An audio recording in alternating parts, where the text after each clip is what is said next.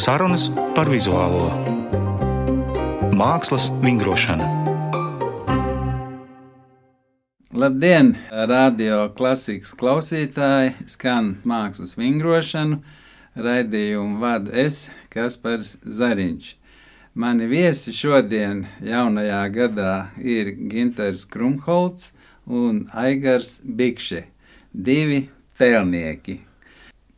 Abiem ir pieredze jau vizuālajā mākslā, aiz muguras ir daudz uh, personāla izstādes un startautiskas izstādes. Aigars uh, Bikše ir arī profesors mūsu mākslas akadēmijā ir pats organizējis uh, tēlniecības kvadrants. Viņš ir realizējis vairākus pieminekļus, kā piemēram zināmākais vismaz man ir šis Rainis pie uh, Nacionālās bibliotekas. Divi. Divi sēži. Tad uh, arī viņa māksla raksturo zināma avantūra, provokācija, tā var teikt, arī ekspresija. Savukārt uh, Ginters Krumholts uh, ir uh, nedaudz jaunāks, bet nestoties uz to, viņiem ir bijuši izteiksmīgi darbi un izstādes, kā man visvairāk ir palicis atmiņā, kas bija izstāžu zāle arsenāls, kāpēc tu mani nepamodināji, par ko viņš arī bijis nominēts Purvīša balvai. Un strādā Ginters pārsvarā, cik es saprotu, plastikas tehnikā. Nu tā, bet par to viņi izstāstīs paši. Kā eh, vienmēr es sāku ar jautājumu, Ginter, kā tu nonāci līdz uh, mākslai? Uh, labdien! Tā tad pavisam vienkārši sākās viss ar bērnu mākslas skolu. Tad kaut kā likās, ka tā lieta vajag interesē. Aizgāju uz Rīgas Rozentāla mākslas skolu, bet man sanāca ātrāk viņa pabeigt kā citiem. Tad uh, sapratu arī, ka tā glezniecība nav ritīgi priekš manis, kad no nu, ar to krāsu izjūta ir baigi švaki. Bet taisni Rozentāļos bija pirmais gads, kad uh, sāka pasniegt mazliet telniecību. Un tur gan es sapratu, ka šī lieta ir ļoti interesanta. Un, uh, man iepatikās. Un tad eh, pēc tam es turpināju pie tēlnieka Andra Vārpas. Pastudēju privāti pie viņa kaut kādu gadu, divus, un, protams, vēl joprojām esam draugi. Un, un tad, protams, tālāk akadēmija. Pilnīgi vienkārši. Skaidrs, līdzenas ceļš. pilnīgi bez, bez kupenām. Bez kupenām. Nu, un tev vajag, kur tev bērnība pagāja, man, kā tu nonāci? Jā, man bērnība pagāja jūrmalā. Vecais tās bija pēc kara nopircis tur māju un, un pārcēlies ar ģimeni. Arī ar maniem vecākiem viņi tur dzīvoja. Es mākslas skolās negāju. Vecākiem vispār nebija tādas uh, saistības ar mākslu nekādas. Mammai patika dziedāt. Viņa bija tāds ļoti uzņēmīgs cilvēks. Viņai pašai bija bērnībā sapnis vai jaunībā sapnis kļūt par zobu tehniķi. Un viņa šausmīgi gribēja, lai es par to zobu tehniku mācos. Man liekas, viņa jau ir. jā, kaut kāda skulptūra. Tur noteikti top tādā. Galvenais, ka vajadzīga. Jā. Bet man tas, kāpēc vispār ar to telniecību, es šausmīgi aizrāvos ar, ar plastelīnu. Nu, tā kā bērns spēlējos ar plastelīnu, cēlu milzīgas pilis. Man bija tā, ka deva vecāki kaut kādu to kabatas naudu, un es viņu uh, tērēju nopērkot plastelīnu. Man bija aizliegts pirkt plastelīnu Un, ja to plastelīnu var noslēpt vienīgi samīcot, visas tās krāsas sajauc kopā, tad izveidojās tāda pelēka masa. Es ar tādu darīju. Jā. Un man bija aizliegts to plastelīnu nest mājās, jo jau bija tik daudz, ka vairāk jau pat raku skaitījās. Un tad es pirku to plastelīnu, es eh, tos paciņus kaut kur bēniņos noslēpu un, un uzreiz samīcīju viņu tādā pelēkā masā. Un tas man bija tāda nu, milzīga aizraušanās, un tas jau bija vairāk kā kaut kādas nu, pīlis un cietokšņi, un vairāk kaut kāda bērna bērnu spēlēšanās. Tad vecāki man liekas, skatījās, ka nu, laikam zobu tehniķi neizdosies pierunāt. Kaut kādā 9. klasē viņi man sāka teikt, ka ir tāda lietušķā skola. Man patika tā ideja, un es stājos tur divas reizes. Pirmajā gadā es netiku. Vecāki ļoti atbalstīja, mamma sūtīja zīmēšanu, mācīties pie, pie privātu skolotājiem. Toreiz bija tāds uh, Kurkunovs ļoti labs zīmētājs, kas bija viņam tā skola, bija tāda sava. Un, eh, un, un, un man kaut kā, kaut kā, es atceros, eh, gleznošana vispār nekāda sakara nebija. Lietas šos stājoties, nebija tā glezniecība vajadzība. Es, es ne, nemācījos gleznot, bet aizgāju uz pirmo gleznošanas nodarbību, un es gleznoju ar vispār gošu krāsu, nu, ar tīro krāsu. Bet, kad es beidzu lietas, šos man šausmīgi patika gleznot, es, es ļoti aizraujos ar glezniecību. Es, nu, tāds impresionisms, atblāzmas tur visur bija. Un, un, un pat mana gleznošanas skolotāja, viņai likās, ka es stāšos uz gleznotājiem, nevis tēlniekiem. Tā kā varbūt netika, kā lai saka, taisns tas ceļš, bet. Bet mērķis. Bet, jā, jā. Nu, Ginter, kas tev ir svarīgs uh, vizuālajā mākslā? Un, uh, vai vispār tev ir svarīga mākslas aktualitāte, jeb tev tas ir vienalga, jeb kas vispār ir aktuāla māksla priekš tevis? Mm, jā, interesants jautājums. Man principā māksla nevisai pat interesē, varētu tā teikt. Es esmu spiests par viņu mazliet interesēties, bet pašam man vairāk interesē vienkārši Tas ir tā tāds veids, kā vispār spēt domāt, kaut ko saprast šajā pasaulē, tikai caur to savu mākslu. Principā, Tīri formāli man interesē cilvēka ķermenis. Tas man liekas ļoti aizraujošs pasākums. Bet kā tu viņu atveido? Tu pa priekšu uzveido mālā to es, ķermeni? Jeb, jeb, es veidoju plastelīnā. Bet tā tad tev tas pastelīns, kas aigaram. Jā, jā, jā, jā es tagad esmu paņēmis viņa stafeti, jā, bet. Nu jā, nu man tas cilvēks ķermenis liekas ļoti apbrīnojams. Bet tad tu to visu lielo ķermeni. Visu lielo es taisnu no, no plastelīna, jā, veidoju. Un, un, un vispār es sapratu, ka man ir diezgan klasiska pieeja tam visam. Es vēl joprojām abrīnoju tās eh, ķermeņa skulptūras, kas ir laika vēsturē radītas un, un labas. Un es vēl turos vienkārši pie tā uzskata, ka kails cilvēks ir ļoti skaists. Bet tās, piemēram, arsenālā, kāpēc tu mani nepamodināji, tas arī bija viss veidots plastelīnā. Tas arī viss bija plastelīnā veidots. Grandios, tur jau drausmīgi daudz vajag kādas divas tonnas. Ne? Man arī ir kāds divas tonnas plastelīna mājās. Jā. Ah. Interesanti, jā, un kā tu viņu dabūji? Nu, tad jau plastikai tam ir tas formu. Jā, noņem formu un tad eh, tālāk ar to stikla šķiedru iekšā līmē. Iekšā. Nu, es, es vienkārši strādāju ar stikla šķiedru, tāpēc, ka tas ir finansiāli pieejams materiāls. Bet un... tev redz ar to glezniecību saikni, jo viņas jau ir krāsainas. Nu, viņas tas ir, tonīgi. jā, nu, nu, tik daudz man liekas, es vēl varu pacelt to visu. Tev vajag ar jautājums ir varbūt nedaudz savādāk Es zinu, ka tu taisi arī pasūtījumus. Nu, piemēram, ka tas Rainis pie bibliotekas, es zinu, ka tev ir privāti pasūtījumi. Pārdaugovā viena lauva stāv vienā mājā un citi zvēri, kā teikt. Bet kā tu uh, spēji sabalansēt savu māksliniecisko domu, ir tēla redzējumu ar pasūtītāju vēlmi?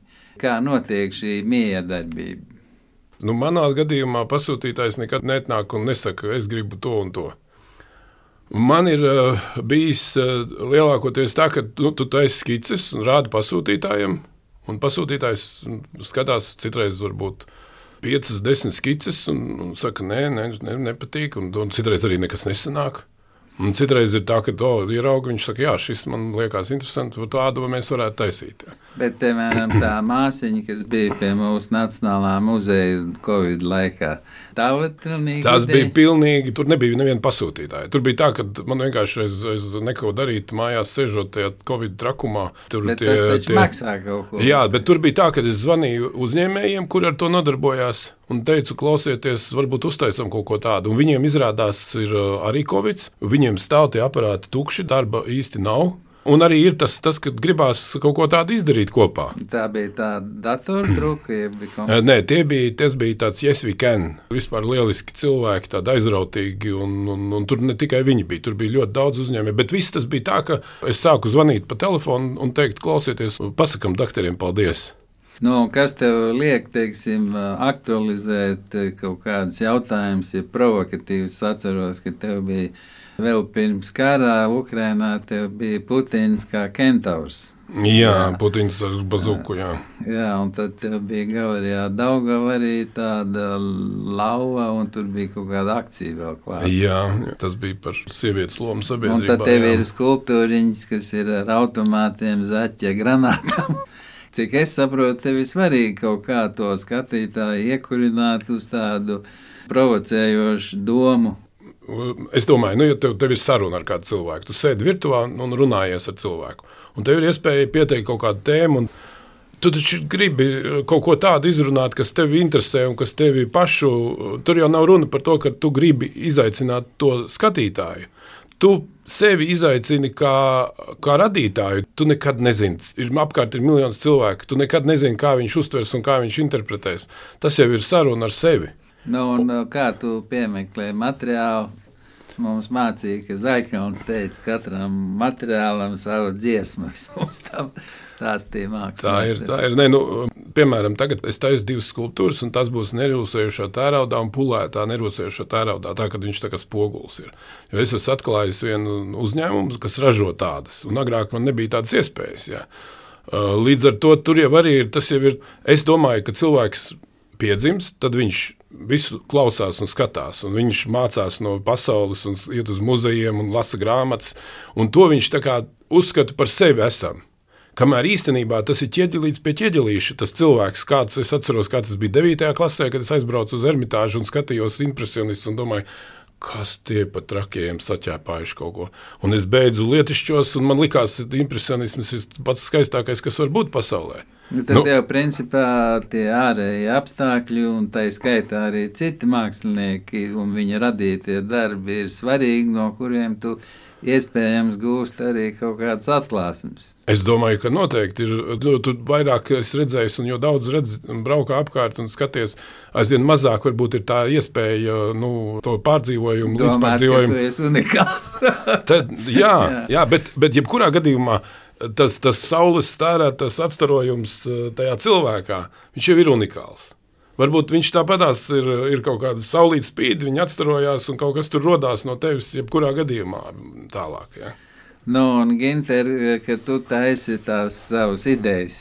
Tātad, cik es saprotu, tev ir svarīgs tas plikais cilvēks, kaut gan tu viņam aptini dvielīt. Nu, tāpat kā Kristum kādreiz uh, uzlika. nē, nē, nav dvielīts obligāti vajadzīgs. Bet, uh, nu, tev ir arī kaut kādas provocējošas idejas, kā piemēram tas cilvēks, kurš bija melns uzsprādzis un iekšas bija rozā. Vispār tas bija šausmīgi sen. Tas bija 20 gadus jau atpakaļ. Nu, laiks ātri. Jā, jā. Tagad es, es pilnīgi esmu pagriezis muguru provokācijai. Man tā šķiet, ka tāda plika provokācija tas ir kaut kāds. Jaunības trauks. Nē, tieši otrādi. Man liekas, jo cilvēks paliek vecāks, jo viņš vairāk grib būt provokatīvs. Un, tad pusmūža krīze, tāda māksla. Man kaut kā redzīgi Tēlniecība ir viena laba, laba tāda īpašība, ka viņa ļoti lēns process. Ļoti, ļoti lēns process. Nu, vismaz man, es taisu vienu skulptūru, es varu taisīt gadu vai pusgadu vienalga. Un tas ir laiks, kurā tu ļoti daudz vari domāt par to, ko tu dari. Un, vispār teikšu tā, ka es pat pie sevis esmu tas smieklīgi nolēmis. Ņemot vērā, ka tas ir tik ilgi, es savus sliktās skulptūras nemaz netaisīšu. Es taisīšu tikai savas labās skulptūras. Bet kā tu viņus atšķiri? Tur jau tas joks, jā. Bet uh, provokācija gan man Es domāju, nu labi, es taisu kails cilvēks vai aigars taisu tos savus darbus, bet tā jau tāda pat īsti vairs nav. Man šķiet provokācija, ņemot vērā to, kā māksla ir gājusi cauri laikmetam, es, es īsti vairs pat nezinu. Kas var būt mākslā provokācija? Nav no, tādas, es, es domāju, jā. tas ir tas lēti triki, varbūt ir, bet tādas provokācijas nav. Un, Nu, man, piemēram, lielākais satricinājums par tēlniecību runājot, bija tad, kad uh, Es biju Florencē, tas bija Medici kapene, kur ir tā nakts un diena. Un kā tas Michelangelo tur no, no tā akmens kluča viņš ir uztaisījis no pirkstiņa līdz acu skatam. Un man ir jautājums, kas jūsuprāt skulptūru padara dzīvu? Tikai viena lieta, kas skulptūru padara dzīvu, tā ir meistarība. Ah, Pilnīgi nekas cits. Es, es, nē, nu, bet talants nāk tam sekoši līdzi, jo es esmu arī domājis par to, es esmu redzējis, ka, teiksim, Luvrā, droši vien visos muzejos, ir šausmīgi daudz sengrieķu, romiešu statujas. Tās pagrabos. diezgan nav tik dzīves. Un viņas ir sliktas, bet tā labākā jau ir tur izlikta. Un mm. tur tā starpība ir starp viņām, ka viena ir meistarība, un otra nav meistarība. Un tas ir vienīgais rādītājs. Talants, meistarība. Nu, var tur tālāk meklēt ideju, vai kaut kādu dievu pieskārienu, vai, vai idejas asumu, vai novatorismu kaut kādam laika zīmēm. Bet tas tikai izriet. Jo es nu pat biju Spānijā, un Seviļā un Granādā, un tur bija e, izlikts, kas agrāk es nebiju tā ievērojis, bet tur bija koks kultūras e, satriecoši vienkārši tur dievmāte ar asarām, mūks tāds ar, ar, ar e, galvas kaus rokā un cilvēku augumā no koka un izkrāsots ar visām drēbītēm. Satriecoši. Tāpēc, ka tas sākās no amatnieciskas. Tātad tev ir svarīgi Man arī svarīgi. tā amatnieciskā, caur kuru tu vari izteikt savukārt to emociju. Ja? Pilnīgi noteikti manā dzīvē pat es varētu pat teikt, ka principiāli pat, pat ieņem daudz lielāku lomu, jo tagad domāt tīri tādā mākslas kategorijā tas ir tik nav vairs skaidri novelkams robežas starp to, kas, kas ir māksla, kas nav māksla. Viss ir mazliet hibrīdā formā sajaukts kopā.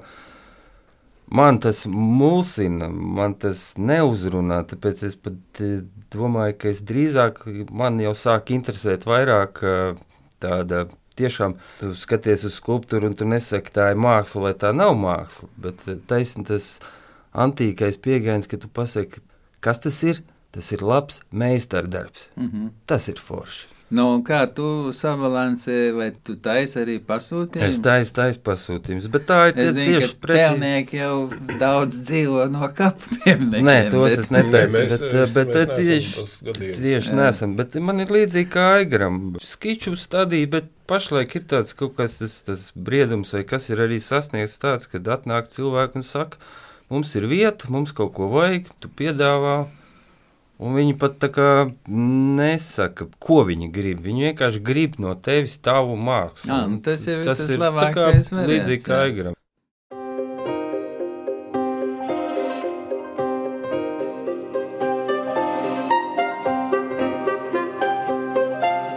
Atgādinu, ka šodien mani viesi raidījumā Mākslas vingrošana ir divi tēlnieki, figurālisti Ginters Krumholts un Aigars Bikšķe. Kas jūsuprāt eh, ir skaistums mākslā? Vai viņš vispār ir vajadzīgs? Ja vispār kas ir skaistums priekš jums?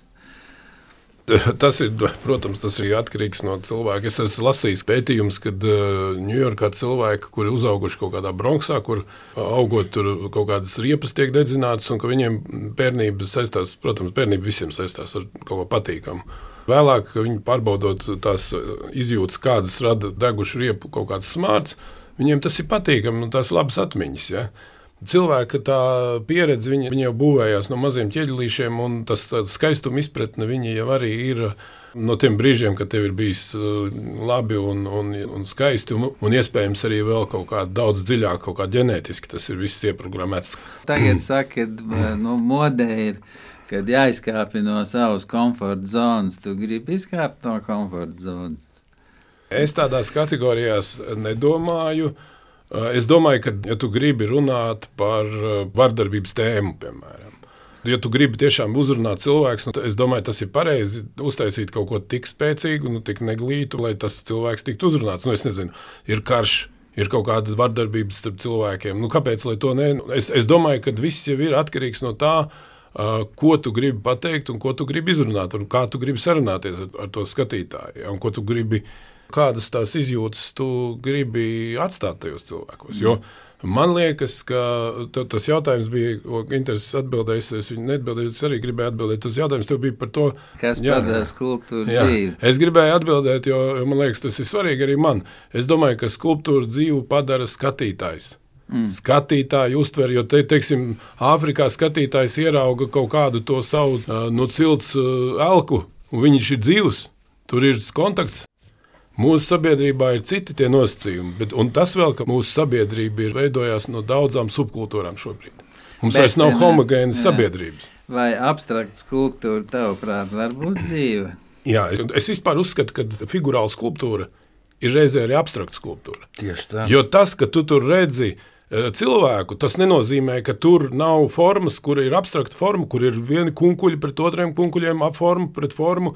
Es neredzu tur atšķirības starp figurālu un abstraktu skulptūru tādā ziņā. Mhm. Pilnīgi nekādas starpības. Ja? Pilnīgi tā ir forma un pretformas attiecības. Jā, jo es zinu, ka ir kaut kādi mākslas kritiķi, kuriem saka, tur ir, ir tāds teiciens, ka aiz meža neredz kokus. Nu, tu ieraugi kaut kādu kopumu, bet tu nesaproti, kas tas ir. Vai tas ir uh, bērns vai egli, viņam nav svarīgi. Viņš saka, tie visi jūsu meža stādītāji, muļķi, uh, senīlie, ejiet ellē. Ne, tam, kas saprot to, to lietu, es domāju, ka glezniecībā ir tieši tas pats. Jā kas saprot to krāsu attiecības, saprot kaut kādas tās lietas. Nu, tās Kurš to... mākslas darbs, labs mākslas darbs, viņš ir būtībā lodveida zibens. viņš ir enerģijas komplekss. Kas piesaista tavu aci? Vai Tieši tā. Ir abstrakts. Jā, ļoti skaists salīdzinājums. Jā. Jo meistaru tu pazīsti pa gabalu, kad ieraugi labu mākslas darbu tu skaidri zini, ka tas ir kaut kas vērtīgs. Nu, retos gadījumos var tā arī nebūt. E, nu, un, kā es vienmēr jautāju saviem viesiem, kas jūsuprāt e, trūkst e, Latvijas vizuālajiem māksliniekiem un vispār kultūrai, lai viņi būtu vairāk starptautiski atpazīstami? Es zinu, ka ir eh, arī tev ir bijuši aigar darbi Japānā, cik es zinu, iespējams vēl citās valstīs, Jā. un redzot šo pasaules eh, kultūras to šurumu burumu, bet kas būtu Latvijas māksliniekiem vajadzīgs vēl, lai iegūtu to startautisko lidojumu? Vai tas tev pirmkārt, vispār ir ne, svarīgi? Jā, pirmkārt, droši vien. Vai tas ir to vērts? Vai tas ir, jo tā, tā, jau ir kaut kāda arī samaksa. Es atceros, es lasīju pētījumu par Ņujorkas uh, mākslas uh, dzīvi, kas ir Vendijs Orholts un tie cilvēki, kas bija ap viņu. Tur ir ļoti daudz, kas ir atkarīgs no tā, ko tu pazīsti. Es domāju, ka mūsu laikā varbūt ir bišķiņa mazāk tā iespēja, jo mums ir citi tīkli izveidoti. Jā, mēs, mēs varam savādāk nokļūt pie skatītāja. Bet uh, nu, tas, man liekas, ir milzīgā mērā mārketinga jautājums. Tas tā kā mums ir uh, dzēriens, ko visi pērk veikalās ar, ar burtu C sākās. Un es nevaru teikt, ka viņš ir garšīgākais dzēriens, labākais pasaulē. Es domāju, ka uh, manā jaunpilī kaimiņu tante taisa garšīgāku un veselīgāku dzērienu. Domā, Cidonijas sulu? Jā, es tikai to, tādu gribu teikt. Nu. Ka tas nav tas, ka viņš ir slavens. Tas nu, nenozīmē, ka tam ir kaut kāda liela vērtība. Nu, ir zīmola vērtība, Un tie zīmoli jau šūpojās arī. Un tie zīmoli ir, jau ir atrodas tajās kultūra telpās iekšā. Mm. Latvijas kultūra telpa ir neliela. Ja, lai, lai nokļūtu tajos kontekstos, kas ir kaut kādi milzīgi pasaules konteksti, tad var ieskalot, protams, tur iekšā. Bet vai tas būs, cik tas būs? Es, es domāju, ka māksliniekam nevajag arī milzīgi. Tas nemaz nav mākslinieka darbs. Principā, jā, un nevajag viņam par to pārāk arī domāt. Nu, drausmīgi domāt. Ne, nu, es saprotu, ka tur jau arī nu, no otras puses, nu, tev kā māksliniekam, lai tu profesionāli dzīvotu tajā visā vidē, tev arī vajag pasūtītāju, un tev vajag to, lai tas darbs kādam būtu vajadzīgs. Līdz ar to nevar arī pateikt, ka tu vari atrasties kaut kādā nu, ziloņkaulu tornī un neinteresēties vispār par to, kā šie procesi notiek. Es domāju, tev nu, kā māksliniekam kaut kādā mērā ir jāsaprot arī šie mārketinga principi, bet uh, tas nav galvenais, es domāju. Mm no Ginter, tā attieksme pret šo? Pilnīgi piekrīt Aigaram. Nē, nu varbūt arī talantu trūkums. Tas arī nav izslēgts. Nē, Teiksim, nu... Mūzikā jau kaut kāda latviešu, nu, es domāju, klasisko mūziku, arī. Bet tas ir cits tīklojums kaut kāds. Es, es, es nezinu, man liekas, ka tas ir kuratora darbs. Var jau plēsties ļoti šajos tīklojumos un mēģināt sevi visādi pozicionēt, bet uh, tad tu arī spiest kaut kādām uh, kompromisiem visu laiku. Bet, būt. principā, tu uzskati, ka, piemēram, Latvijas māksla ir kvalitāte. Es domāju, ka nu, tieši ne, tāda pati kvalitāte jā. kā visur citur. Nē, es, ir viens briesmīgs laiks, kas bija okupācijas laiks, kas ir arī, es domāju, atstājis lielu robu, jo nebija tā tas viss jau sākās ar iekšējo tirgu. Ja tas iekšējais tirgus nav, tad jau tur nevar mēģināt arī tur pēc tam domāt, ka tu komfortabli jutīsies. Es, es iedomājamies, mums ir teiksim, Madagaskaras sala. Un tur ir kaut kāda dzīvotne, nu, tur ir kaut kāda lielāka dzīvnieka, mazāk, bet tur nav ziloņi, jo viņu tur nevar būt, jo viņiem tāda teritorija pa mazu. Un tur ir kaut kādi izveidojušies dīvaināki dzīvnieki, kas tur ir spējuši pielāgoties. Bet jebkura sistēma ir ekosistēma. Ja mums ir labi kolekcionāri aktīvi, kas tiešām atbalsta mākslu, tad būs arī labi mākslinieki un ies, ies arī uz priekšu. Jo mākslinieks jau arī. kolekcionāriem visu laiku kaut kas notiek. Mistisks. Nē, bet nu, es domāju, ka jebkurā gadījumā notiek vai nenotiek tik daudz, bet es domāju, ka tas ir savienotas lietas. Tā ir dzīvotne. Ja, ja nebūs sabiedrībā intereses par to mākslas skolu, tad, tad nebūs arī mākslinieku. Nu, tā, jā, tur ir tā saistība. Kas ir jūsu uh, vaļas prieki, ja jums tāda ir, vai jūs lasiet grāmatas, klausāties muziku, kas jūs dzīvi krāšņo? Nu, es jau 25 gadus aizraujos ar smēķēšanu. Citu vairs priekš man nav. nē, nē, nu, Ginters izliekās, viņš ir aizrautīgs grāmatu lasītājs. No nu jā, nu, bet kurš to nelas grāmatas? Es uzzinu, Nu, uzzinu no viņa, daudz, no viņa kādas nelas, jā. lasīt. Es, starp citu, pēdējā laikā klausos grāmatas veidojot Nē, es neklausos grāmatas. Es No audibles. pieturos pie principa, ka es lasu grāmatas, bet uh, otrs es viņus vēl mēģinu pirkt. Es neju uz biblioteku. Un tas arī ir zināms eh, pabalsts literatūrai. Es arī pērku, bet to elektronisko grāmatu. Nē, tāda tas- man vajag to papīru. Nu, un Aigar, es Man- zinu, ka tev ir aicis, piemēram. Man ir, man ir īstenībā, man aizraušanās ir vecu ēku atjaunošana. Man ir pie Jaunpils veca mūža, kurus ieguvu pēc akadēmijas beigšanas briesmīgā stāvoklī. Un tagad vēl es esmu vienu mazu ar dārziņu, vienu mājiņu, arī drupu mājiņu nopircis Itālijā pirms, pirms dažiem gadiem. Ja. Man patīk, man patīk, tas ir tāds bezdibeņu pasākums. Jā, jā, kur var Bet, mest jā, iekšā. jā, tieši tā. Man, man vienmēr ir labi. Man vienmēr liekas, ka nu, tas ir ļoti interesanti priekš manis. Jo tas arī, manuprāt, ir radošs process. Man brālēns ir ļoti labs galdnieks, kas ir daudz palīdzējis man un vispār ir lielāko daļu uzbūvējis, ko, ko es esmu ie- iecerējis. Ja. Arī droši vien kopā. kokā tās skulptūras daļas. Ne, nu, es, es, es bieži piesaistu galdniekus. Es uztaisu to skici, tad iedodu amata pratējiem, viņi uztaisa to palielinājumu. Ginteram, man liekas, patīk vairāk visu līdz Man pēdējiem pašam. pašam darīt. Es vienkārši zinu, ka viņi to izdarīs labāk. Nu, tur, Nu, nav, jā, jā, bet- tur nav nekas tāds. Nā, jā, es to Un tad tu ej klāt, un tad tu taisi tālāk nu, no tā palielinājuma brīža. Tad tu atkal to taisi jau tos formas kaut kādus smalkumus pats. Bet to palielinājumu es nezinu. Es, ne, man, man tas Man liekas, vienkārši ļoti svarīgi, arī kā tāda mākslas mēraukla, man liekas, ar ko var atšķirt labu no sliktas skulptūras. Tā ir precizitāte. Precizitāte ir tajā ziņā, ka tu paskaties uz to skulptūru un saproti, ka tur nevarēja būt ne milimetrs uz otru pusi, ne uz citu pusi. Ka tā precizitāte, attieksmē un tajā darbā tas arī ļoti daudz dod uh, skulptūrai. Ja mēs jau varam paskatīties uh, antīko mākslu, brīnišķīgi paraugu, kur tu saproti, ka uz vienu vai uz otru pusi tas būtu pilnīgi cits darbs. Ar to arī viņi atšķirās no, no daudziem citiem darbiem. Ne, Bet es- tas nav Es domāju, nē, es domāju, piemēram, man šausmīgi patīk eh, baroka tieši tā viduslaiku koku telniecība, tas kaut kāds Čehijas un tajās teritorijās.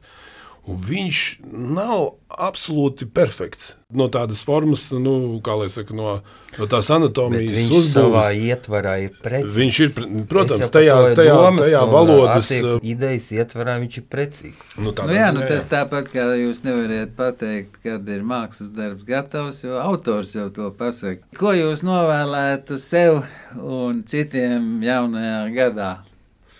Nu, ņemot vērā vaļasprieku veselību.